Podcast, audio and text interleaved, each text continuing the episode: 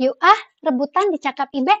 Siapkan senyum manis, ditemani kisah kasih dengan aplikasi.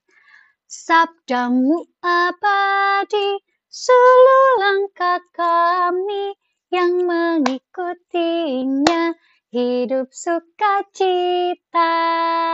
Mari kita berdoa. Ikuti Ibe berdoa ya. Tuhan Yesus, kami mau baca Alkitab. Biarlah roh kudusmu membantu kami memahaminya. Terima kasih Tuhan Yesus. Amin. Amin. Halo hai, kita akan mempersiapkan diri untuk baca Alkitab. Yuk Alkitabnya udah dipegang. Waduh good job. Kita mau baca kisah para rasul 4 ayatnya yang ke-10. Sekali lagi ya, kisah para rasul 4 ayatnya yang ke-10. Kisah para rasul itu perjanjian baru. Kalau perjanjian baru yang batasnya warna merah ya. Oke, dengarkan. Ibu mau bacakan buat adik-adik sekalian.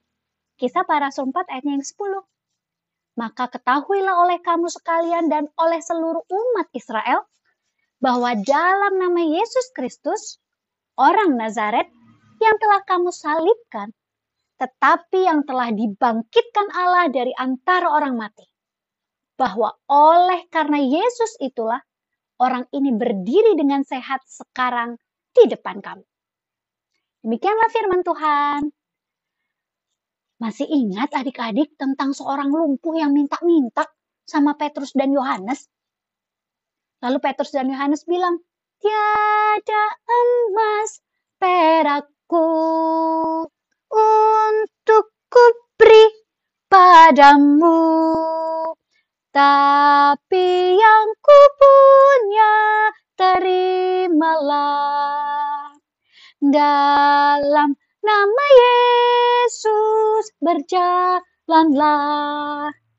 Karena karena orang yang lumpuh itu bisa berjalan, semua orang memuji Tuhan.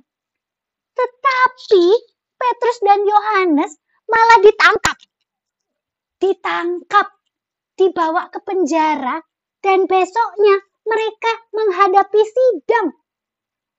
Yang kita baca hari ini adalah pada saat mereka disidang dan ditanya sama uh, orang-orang di sidang itu, pakai kuasa mana kamu menyembuhkan orang itu?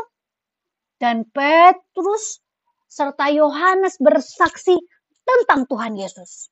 Mereka bilang bahwa kuasa Roh Kudus yang telah diberikan oleh Tuhan Yesus. Iya, jadi yang telah diberikan oleh Tuhan Yesus membuat mereka berani bersaksi, punya kuasa, punya kekuatan untuk mendoakan dan orang bisa sembuh. Sama dengan Ibe dan adik-adik. Ibe dan adik-adik diingat, oh sama One juga, diingatkan bahwa kita punya kuasa Allah yang besar karena roh kudus sudah ada dalam diri Ibe dan adik-adik. Jadi kita punya, dan Reone juga. Jadi kita punya kuasa.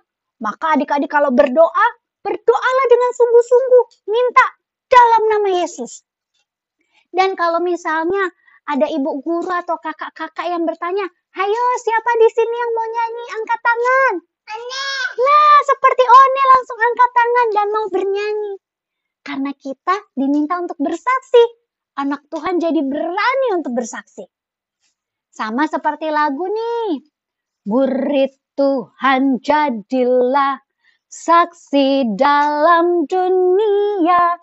Juru selamat penebus hanya Tuhan Yesus. Seperti tadi, kita diajak untuk jadi saksi. Karena apa? Karena sudah ada roh kudus dalam diri Ibe, adik-adik dan juga Reone.